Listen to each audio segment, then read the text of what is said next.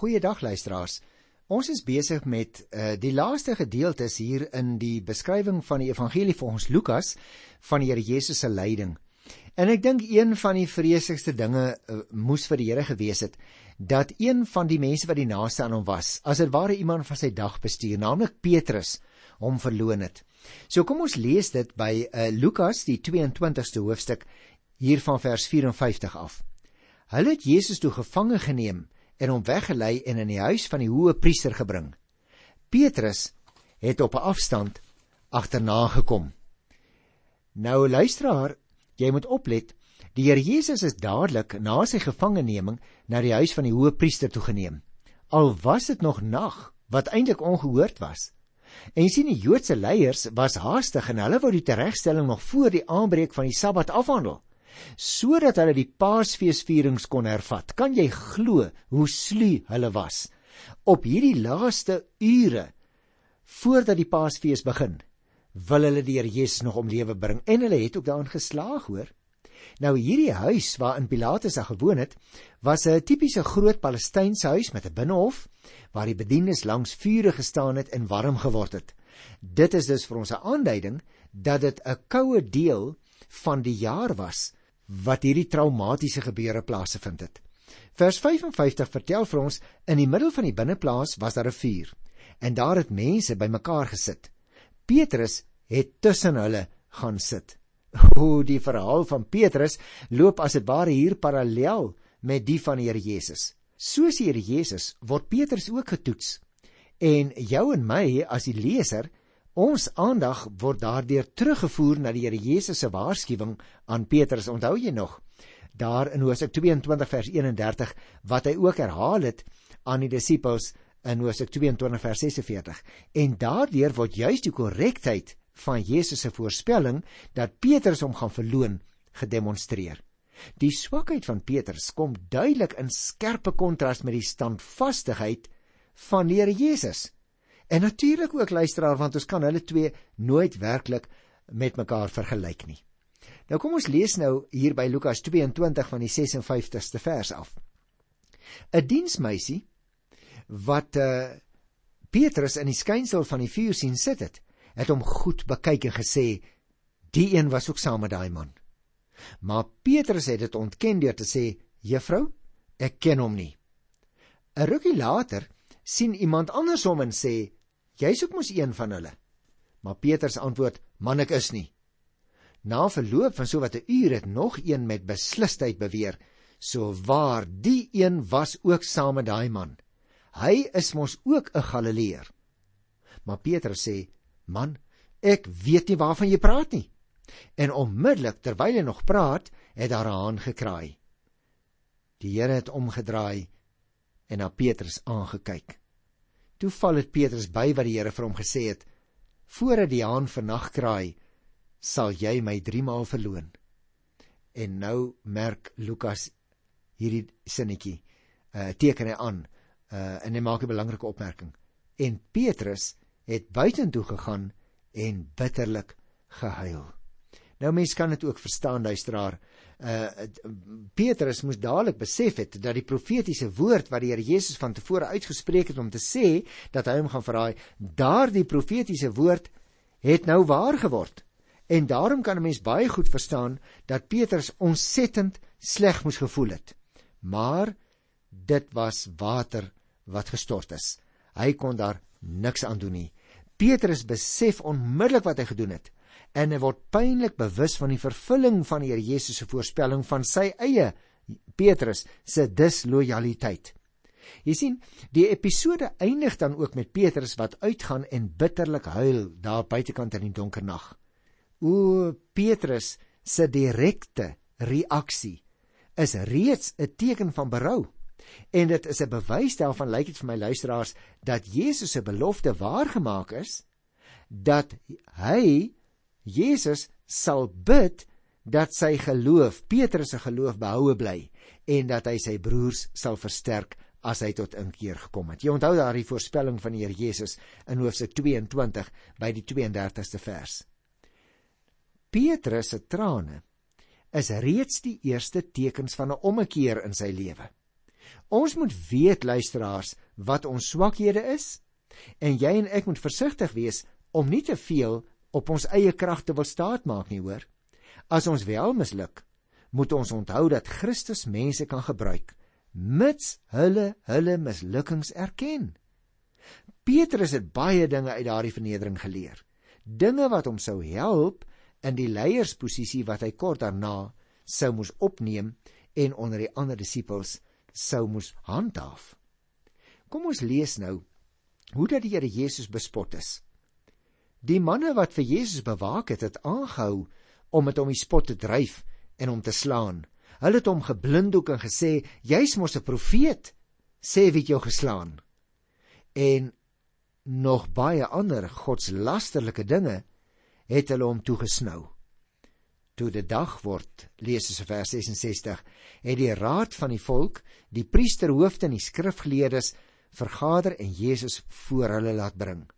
Hulle sê toe: "As jy die Christus is, sê dit vir ons." Maar hy antwoord: "Al sou ek dit vir julle sê, sal julle tog nie glo nie. En al sou ek vir julle 'n vraag stel, sal julle ook nie antwoord nie.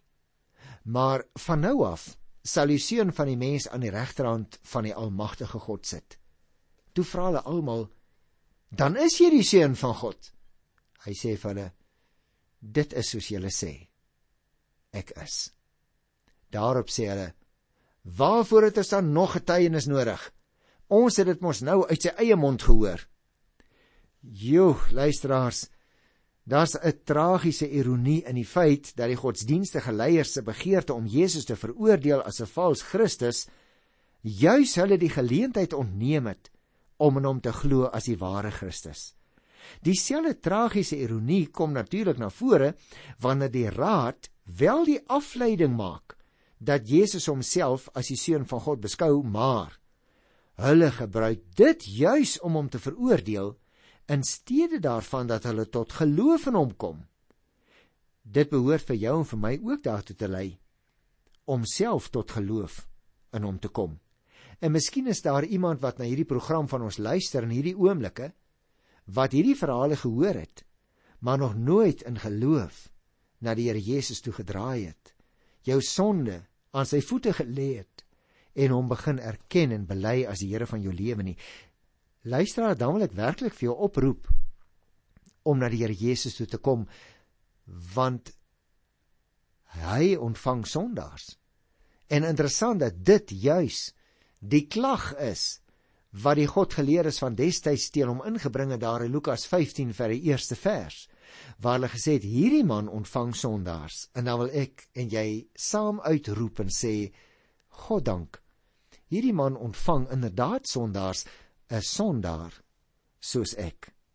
En jy het opgelet, die Joodse leiers het volgens hulle eie oordeel die bewys dat Jesus hom aan godslastering skuldig gemaak het, gevind en hom veroordeel. Maar hulle het terselfdertyd daardeur die grootste onreg denkbaar aan hom gedoen.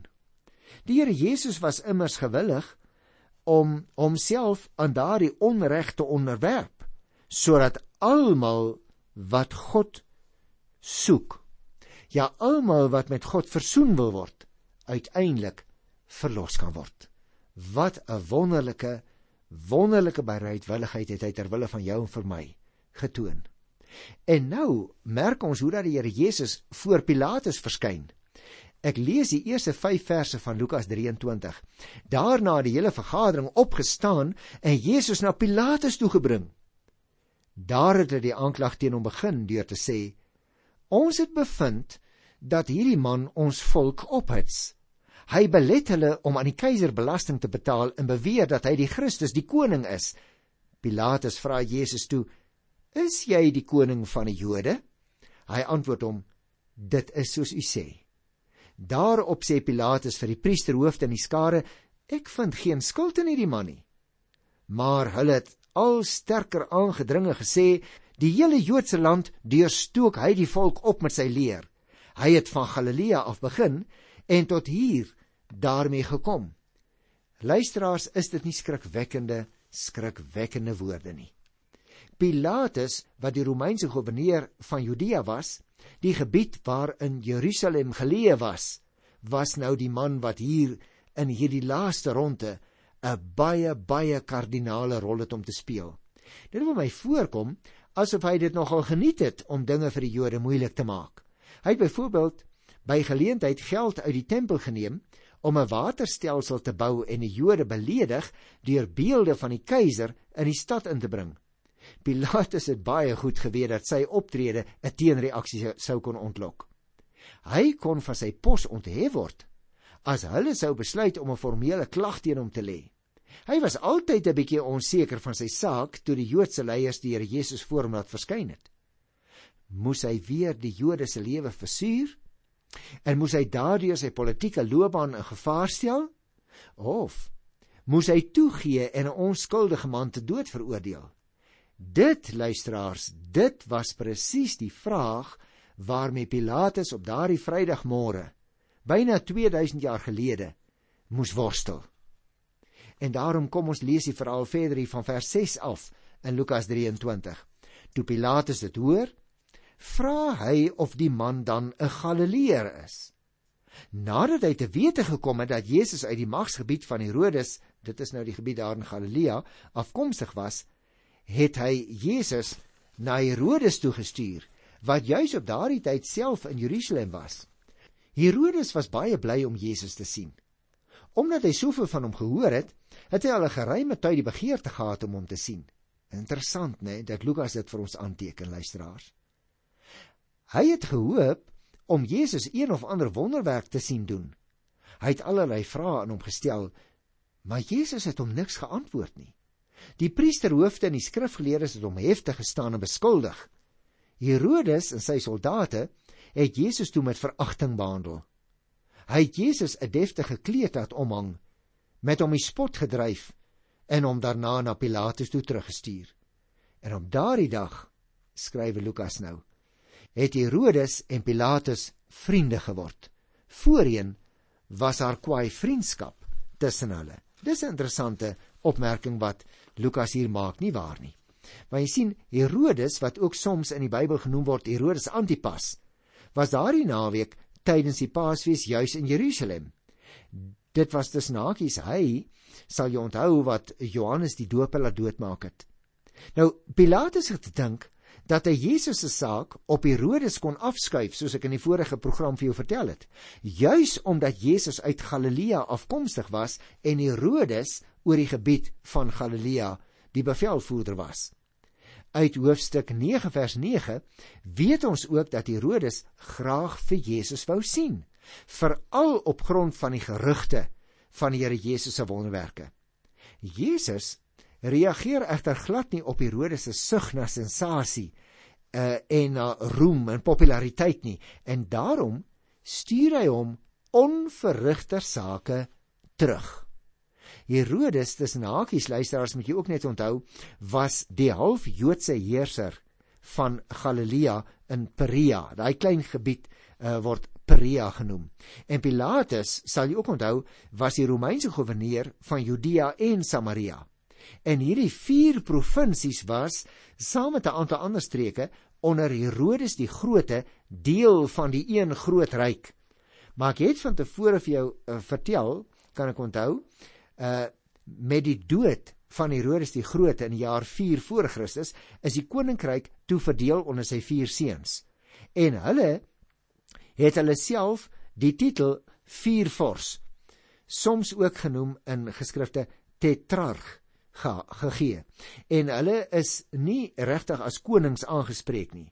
Maar Archelaus, die seun wat Judea en Samaria moes bestuur, is binne 10 jaar onsetel en sy gebied is daarna deur die een Romeinse amptenaar na die ander uh deurgegee.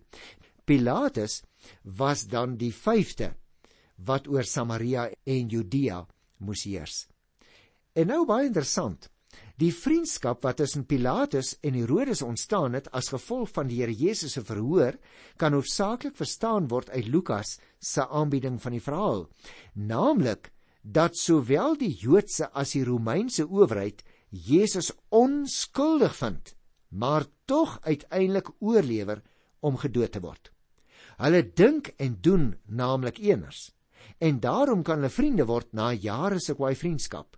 Hier, luisteraars, skuil waarskynlik 'n stuk bittere ironie in hierdie vriendskap.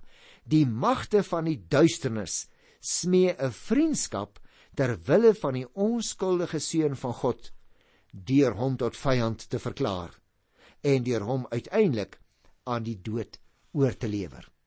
Maar goed, ek wou dit maar net vir jou so tussen hakies vertel. Kom ons kyk hier na vers 13 tot by vers 17. Daarna het Pilatus die priesterhoofde, die lede van die Joodse raad en die volk bymekaar geroep en vir hulle gesê: "Julle het hierdie man vir my gebring as 'n opruier van die volk. Nou het ek in julle teenwoordigheid die saak ondersoek en luister nou mooi. En ek het in hierdie man geen grond gevind vir die aanklag wat julle teen hom inbring nie. Herodes het ook nie, want hy het hom na ons toe teruggestuur. Hy het beslis niks gedoen wat die dood verdien nie. Ek sal hom dus gesel en dan sal ek hom loslaat. Luisteraars, Pilatus wou die Here Jesus vrylaat, maar die skare het kliphard geskreeu net hierna dat hy gekruisig moet word. En daarom het Pilatus hom toe uiteindelik ter dood veroordeel. Pilatus van natuurlik nie sy posisie gevaar stel deur 'n rebellie te laat ontwikkel nie. Pilatus, moet jy onthou, was 'n politikus en hy het dus baie goed geweet wat die waarde van 'n kompromis is.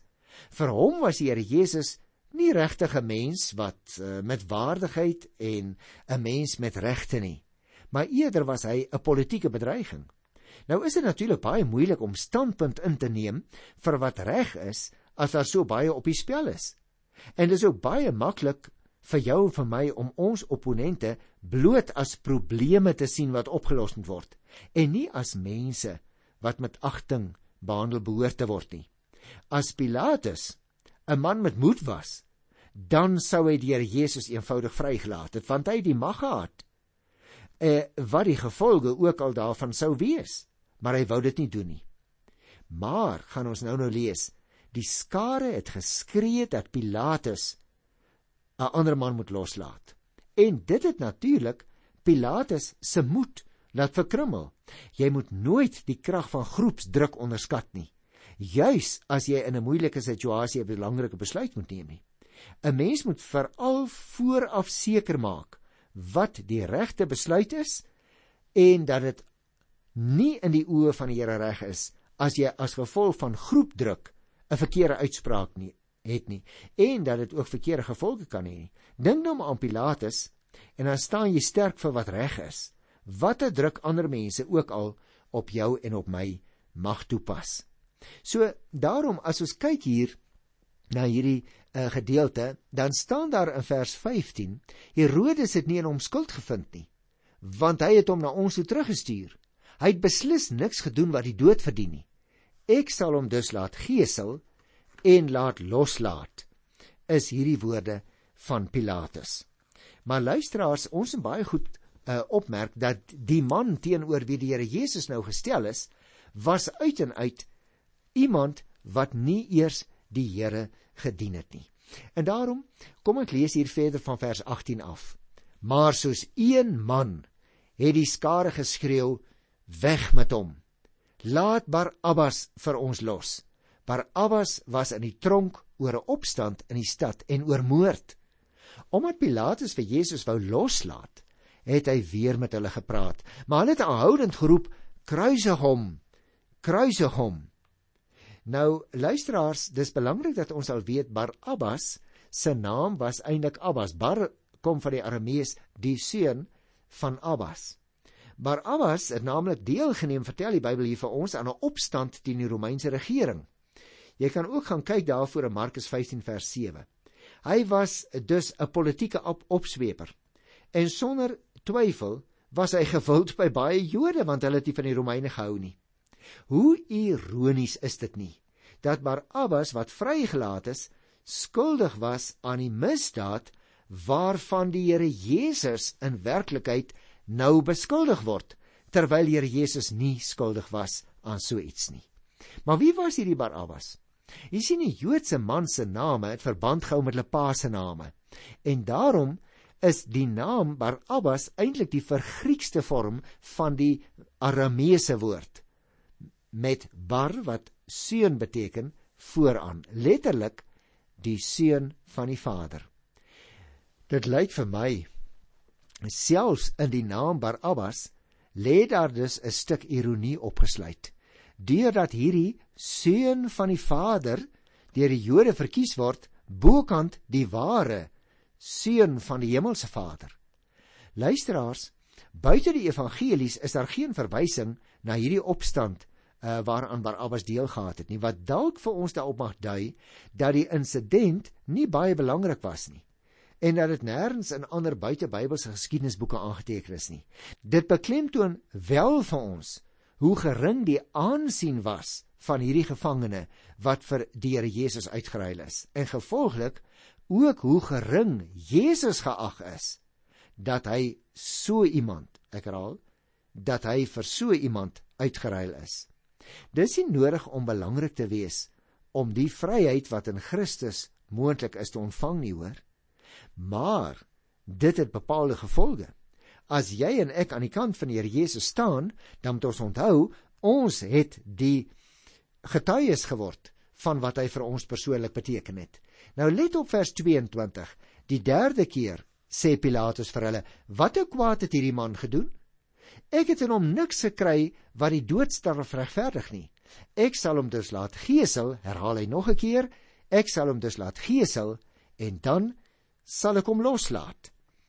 Dit is asof Pilatus regtig probeer dat die mense tot ander insigte moet kom. Jy moet onthou 'n mens kon natuurlik sterf na so 'n geesteling luisteraar. Dit was gebruiklik om die slagoffers se kaal bolyf met 'n sweep met 3 punte te slaan terwyl sy arms aan 'n pilaar vasgemaak is. Die erns van die misdaad sou bepaal hoeveel houe so iemand moes kry en die Joodse wet het tot soveel as 40 houe toegelaat. Here Jesus is eers gegeesel en het daarna nog al die ander lyding wat met die kruising gepaard gegaan het ondergaan. Ek dink Kom ons sluit af met hierdie laaste verse 23 tot 25. Die derde keer sê Petrus vir hulle: "Watter kwaad het hierdie man gedoen? Ek het in hom niks gekry wat die doodstraf regverdig nie. Ek sal hom laat gesel en hom dan loslaat." En nou lees ons hier van vers 23 af. Hulle het egter met 'n harde stem gesaanhou skreeu en geëis dat Jesus gekruisig moet word. Pilatus het toe besluit dat aan hulle eis voldoen moet word. Die man wat oor opstand en moord in die tronk was, het hy vrygelaat, soos hulle geëis het, maar vir Jesus het hy uitgelewer soos hulle wou hê. Is dit nie verskriklike woorde wat ons hier lees nie?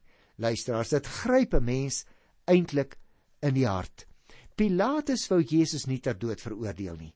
Hy het gedink dat die Joodse leiers jaloers was omdat hulle Jesus as mededinger beskou het en dus van hom ontslaa wou raak. Hy het egter geskrik toe hulle gedreig het om hom by die keiser te gaan aankla. Dit lees ons in Johannes 19 vers 12. Dit blyk uit historiese geskrifte dat Pilatus teen daardie tyd reeds deur die Romeinse owerheid gewaarsku is omdat die situasie in sy gebied so gespanne was. Hy was dus baie angstig om opstand in Jerusalem te probeer verhoed veral 'n opstand tydens die Paasfees waarvoor die Jode uit die hele Romeinse ryk na Jerusalem toe gekom het.